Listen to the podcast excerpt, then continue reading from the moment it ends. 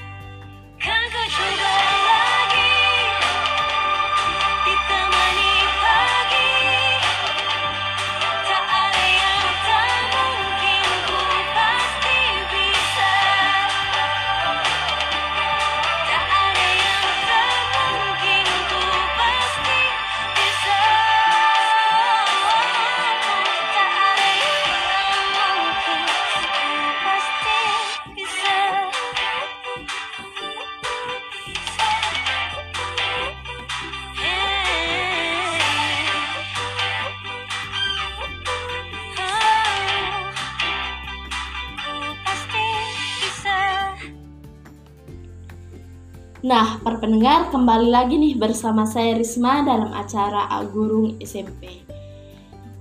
Pendengar, di tengah-tengah kita telah hadir seorang guru SMP yaitu Pak Akbar. Halo Pak, bagaimana kabarnya hari ini? Halo juga Kak Risma, Alhamdulillah kabarnya baik. Alhamdulillah. Uh, kalau boleh tahu Pak, uh, materinya apa untuk hari ini dan untuk kelas berapa? Soalnya materi kali ini Kak Risma yakni tentang teks fabel Ini materi tentang kelas 8 semester 1. Baiklah kepada adik-adik untuk mempersiapkan alat tulisnya dan jangan lupa untuk menyimak penjelasan dari Pak Akbar. Kepada Pak Akbar dipersilakan. Kasih Karisma. Bismillahirrahmanirrahim. Assalamualaikum warahmatullahi taala wabarakatuh. Alhamdulillah puji syukur kita panjatkan atas kirat Allah Subhanahu wa taala. Salam beserta salawat juga tak pula kita kirimkan kepada baginda Nabiullah Muhammad sallallahu alaihi wasallam. Allahumma shalli ala sayyidina Muhammad. Alhamdulillah ya, kita kembali lagi beraktivitas lewat radio Sipurenu. Seperti yang sampaikan tadi sama Kak Karisma, Anda sekalian sebelum mengikuti proses pembelajaran kali ini, saya akan tulis tapi terlebih dahulu seperti biasa, Anda sekalian jangan lupa 3M. Memakai masker, menghindari kerumunan, mencuci tangan dengan air yang mengalir. Dan juga yang paling penting ini untuk Anda sekalian atau pendengar radio Sipurunu di mana pun berada, tetap di rumah dan belajar di rumah, ditemani oleh radio Sipurunu. Ya, sebelum kita masuk di pembahasan materi mengenai hmm, temanya sebentar insya Allah, yakni tentang teks fabel. Alangkah bagusnya kalau sebelum kita melangkah, kita awali dengan baca lapas Bismillahirrahmanirrahim. Fabel termasuk jenis cerita fiksi, bukan kisah tentang kehidupan nyata. Cerita fabel sering juga disebut cerita moral karena pesan yang ada di dalamnya. Teks fabel berkaitan erat dengan moral. Percaya kakak Ananda bahwa pelajaran itu tidak hanya pada manusia. Kita dapat pada apa yang ada di bumi, misalnya belajar pada alam, belajar pada tumbuhan, dan bahkan kita bisa belajar di, dengan atau yang ada di pada binatang. Keseluruhan kehidupan jenis tumbuh-tumbuhan, suatu habitatnya disebut juga flora, sedangkan keseluruhan kehidupan jenis binatang disebut fauna. Pada pelajaran ini, Ananda akan diajak memahami dan mencermati teks cerita fabel. Tokoh pada cerita fabel biasanya yakni bertokohkan binatang, Teks cerita fabel tidak hanya mengisahkan kehidupan binatang, tetapi juga mengisahkan kehidupan manusia dengan segala karakternya. Binatang-binatang yang ada pada cerita fabel memiliki karakter seperti manusia. Karakter mereka ada yang baik dan ada juga yang tidak baik, sama halnya pada manusia pada umumnya.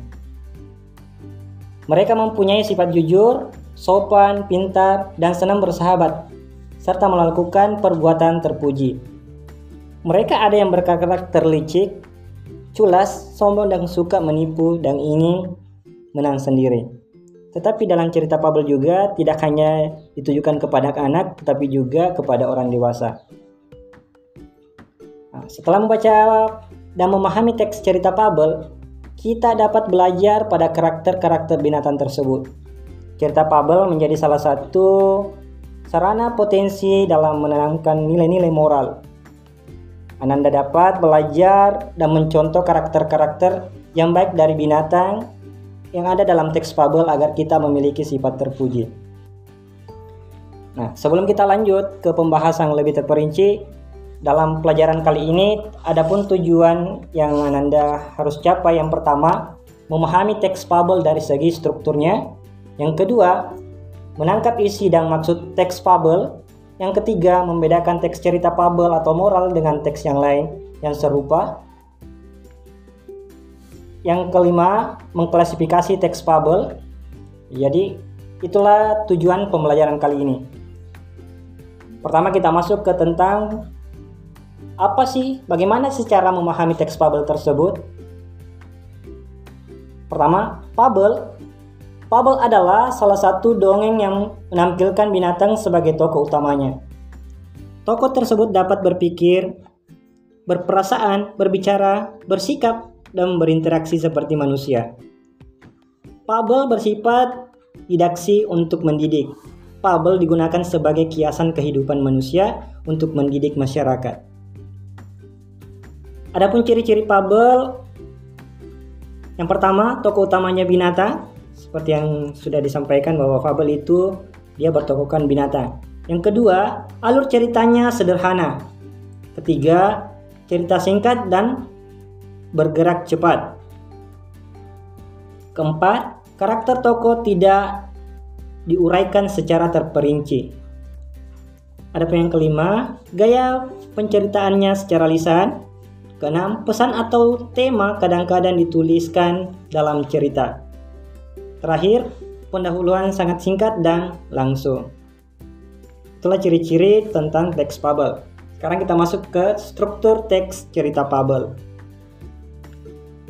Dalam struktur teks cerita fabel, yang pertama yang Anda harus perhatikan atau yang harus ketahui yakni tentang mengenai judul.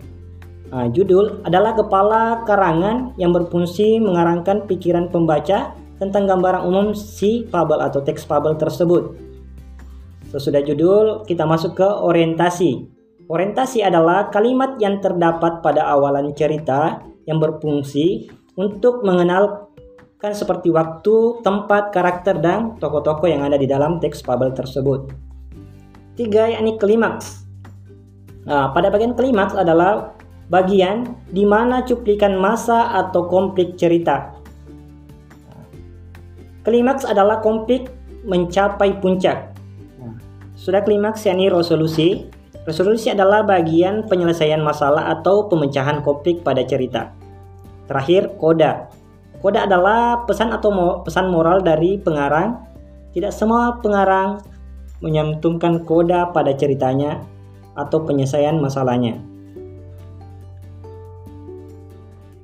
Adapun beberapa jenis fabel yang perlu Anda ketahui.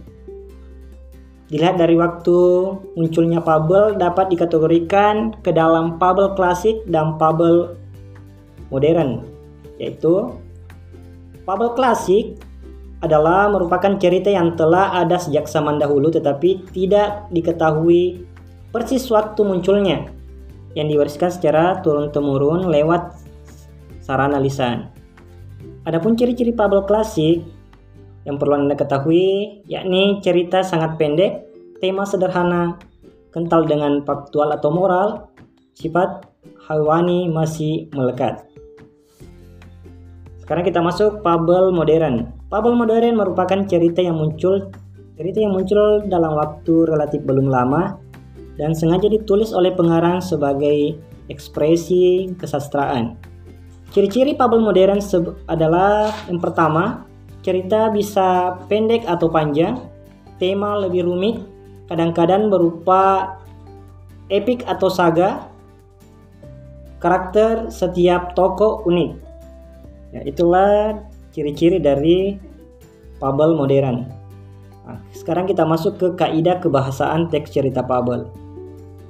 Kaidah kebahasaan teks cerita fabel atau yang biasa disebut juga sebagai unsur kebahasaan merupakan ciri dari bahasa yang digunakan dalam suatu teks seperti cerita fabel adalah yang pertama kata kerja Salah satu kaidah atau unsur kebahasaan dalam suatu teks cerita fabel adalah adanya kata kerja. Kata kerja dalam cerita Pabel dikelompokkan menjadi dua bagian, yaitu kata kerja aktif transitif dan kata kerja aktif intransitif. Kata kerja aktif transitif adalah kata kerja aktif yang memerlukan objek dalam kalimat, misalnya memegang, mengangkat. Sedangkan kata kerja aktif intransitif adalah kata kerja aktif yang tidak memerlukan objek dalam kalimat, misalnya diam. Penggunaan kata sanksi dan sang pada teks cerita Pabel sering kali adanya penggunaan kata sanksi dan sang. Berikut merupakan penggunaan kata sanksi dan sang yang ada pada teks cerita Pabel.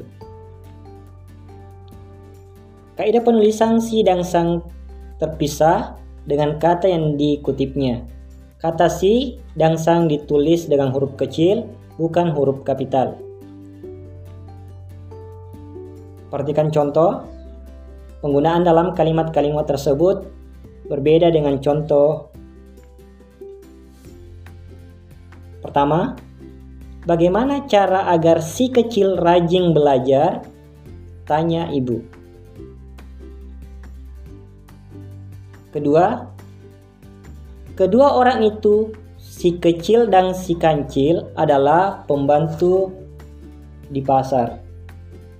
Ya, Nanda bisa eh, sambil menulis, mendengarkan sambil menulis, tulis kata yang pertama yang saya ucapkan tadi, bagaimana cara agar si kancil rajin belajar, tanya si ibu.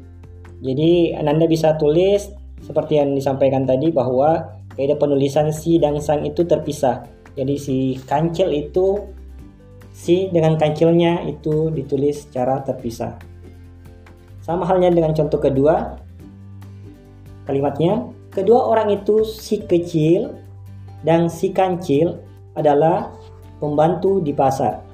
Jadi si kancil sama si kecil itu seperti yang pertama, si-nya itu terpisah dengan kata kancil dengan si sama kecil. Nah, kata kecil pada kalimat pertama ditulis dengan huruf kecil karena bukan merupakan nama pada kalimat pertama. Jadi kenapa si kecil? Karena itu dia hanya menunjukkan bahwa si anak. Dia tidak menunjukkan kata objek atau orang. Beda dengan halnya yang kedua. Si ditulis dengan huruf kapital Nah, karena dimaksudkan sebagian panggilan atau nama julukan, si kancil atau si kecil.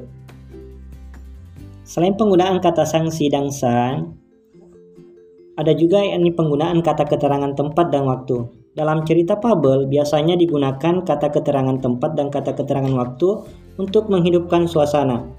Untuk keterangan tempat biasanya digunakan kata depan dan keterangan waktu biasanya digunakan kata depan pada atau kata yang menunjukkan informasi waktu. Nah, para pendengar jangan ke mana-mana dulu ya. Kita dengarkan lagu berikut ini.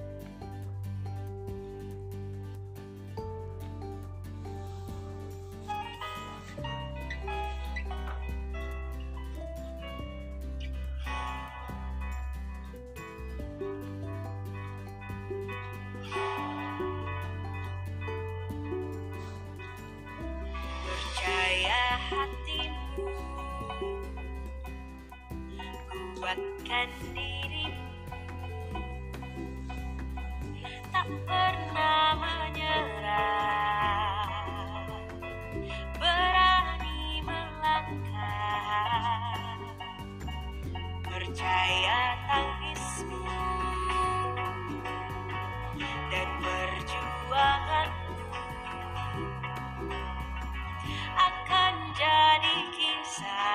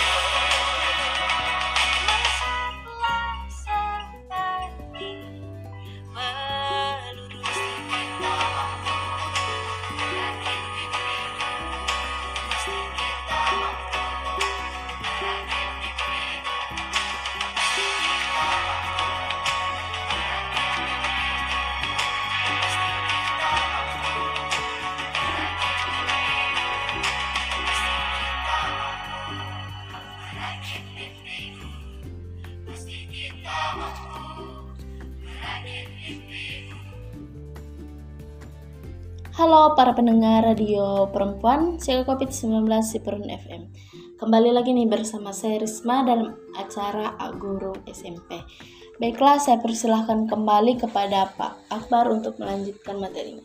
Ya, kasih karisma. Anda sekalian, kita berapa tadi materi yang sudah sampaikan. Sekarang kita masuk ke salah satu contoh teks fabel. Judulnya yakni Kisah Semut dan Kepompong. Anda perlu menyimak kalau bisa eh, selain menyimak, Anda bisa siapkan alat tulisnya supaya dapat menulis yang mana sih atau apa sih struktur dari teks fabel tersebut yang sempat saya sampaikan sebelumnya. Nah, jadi kita masuk dulu ke contohnya, kemudian Anda sebentar tentukan sampai mana eh, struktur, judulnya apa, perkenalannya, komplikasinya, klimaksnya, sampai kodanya. Disimak ya. Kisah semut dan kepompong. Di suatu hutan yang sangat lebat, tinggallah bermacam-macam hewan. Ada semut, gajah, harimau, badak, beruang, dan sebagainya. Pada suatu hari, datanglah badai yang sangat dahsyat. Badai itu seketika membuat panik seluruh hewan penghuni hutan itu. Semua hewan berlari ketakutan menghindari badai tersebut. Keesokan harinya, matahari muncul de- dengan sangat hangat. Kicauan burung-burung terdengar dengan merdunya. Tetapi ada apa yang terjadi? Banyak pohon tumbang berserakan sehingga membuat hutan itu amat berantakan. Seekor kepompong menangis dan bersedih di sebuah pohon yang tumbang. Huh, huh, betapa sedihnya kita. Terjam badai tapi tak ada tempat satupun yang aman untuk berlindung. Huh. Ratap sak kepompong. Dari balik tanah muncullah seekor semut. Dengan sombongnya ia berkata, Hai kepompong, lihatlah aku. Aku terlindung dari badai kemarin, tidak seperti kamu yang ada di atas tanah. Lihat tubuhmu, kamu hanya menempel pada pohon yang tumbang dan tidak bisa berlindung dari badai. Si semut semakin sombong dan terus berkata demikian kepada semua hewan yang ada di hutan. Sampai pada suatu hari, si semut terjebak dalam lumpur. Si semut tidak tahu kalau ia berjalan di atas lumpur hidup yang bisa menarik dan menelangnya ke dalam lumpur tersebut. Tolong, tolong, aku terjebak di lumpur hidup. Tolong, teriak si semut. Tiba-tiba terdengar suara dari atas. Sepertinya kamu sedang kesulitan ya, semut. Si semut menengok ke atas mencari sumber suara. Ternyata suara itu berasal dari seekor kupu-kupu yang sedang terbang di atas lumpur hidup. Siapa kamu? Tanya si semut galau. Aku adalah kepompong yang waktu itu kamu hina. Jawab si kupu-kupu. Semut merasa malu sekali dan meminta si kupu-kupu untuk menolong dia dari lumpur yang mengisapnya. Tolong aku kupu-kupu, aku minta maaf. Waktu itu aku sangat sombong, bisa bertahan dari badai. Padahal aku hanya berlindung di bawah tanah. Si kupu-kupu akhirnya menolong si semut. Semut pun selamat, ia berjanji tidak akan menghina semua makhluk ciptaan Tuhan. Nah, untuk Anda itulah tadi salah satu contoh dari teks fabel yang berjudul Kisah Semut dan Kepompong. Nah, dari teks tersebut, Ananda bisa belajar atau latihan mencari penggunaan kata sang, si, dan sang dalam teks Kisah Semut dan Kepompong. Kemudian, Ananda bisa tandai kata si yang berhuruf kapital dan kata si atau kata sandang sandang yang tidak menggunakan huruf kapital.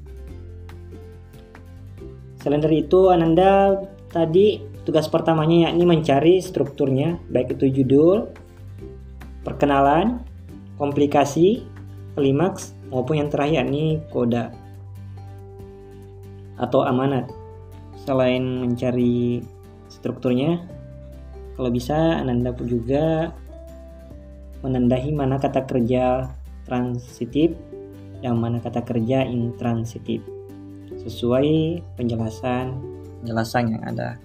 Ah, nah mungkin sampai di sini dulu ya pertemuan kita eh, untuk anda sekalian atau pendengar radio si perempuan di mana pun anda berada. Tetap ingat jaga 3M, memakai masker, menghindari kerumunan, dan mencuci tangan dengan air yang mengalir. Dan ini yang paling penting untuk khususnya kepada anda sekalian yang ada untuk pendengar radio Siporenu, tetap belajar di rumah, tetap semangat dan ditemani oleh radio Sipureno FM. Saya dengan kata Wallahu muwafiq ila aqwamit. Wassalamualaikum warahmatullahi taala wabarakatuh. Nah, para pendengar, itulah tadi penjelasan dari Pak Albar yang sempat beliau sampaikan. Semoga adik-adik di rumah dapat memahami dan mengerti, dan jangan lupa untuk terus belajar di rumah. Saya Risma undur diri dari ruang dengar Anda. Sampai ketemu di acara selanjutnya. Assalamualaikum warahmatullahi wabarakatuh.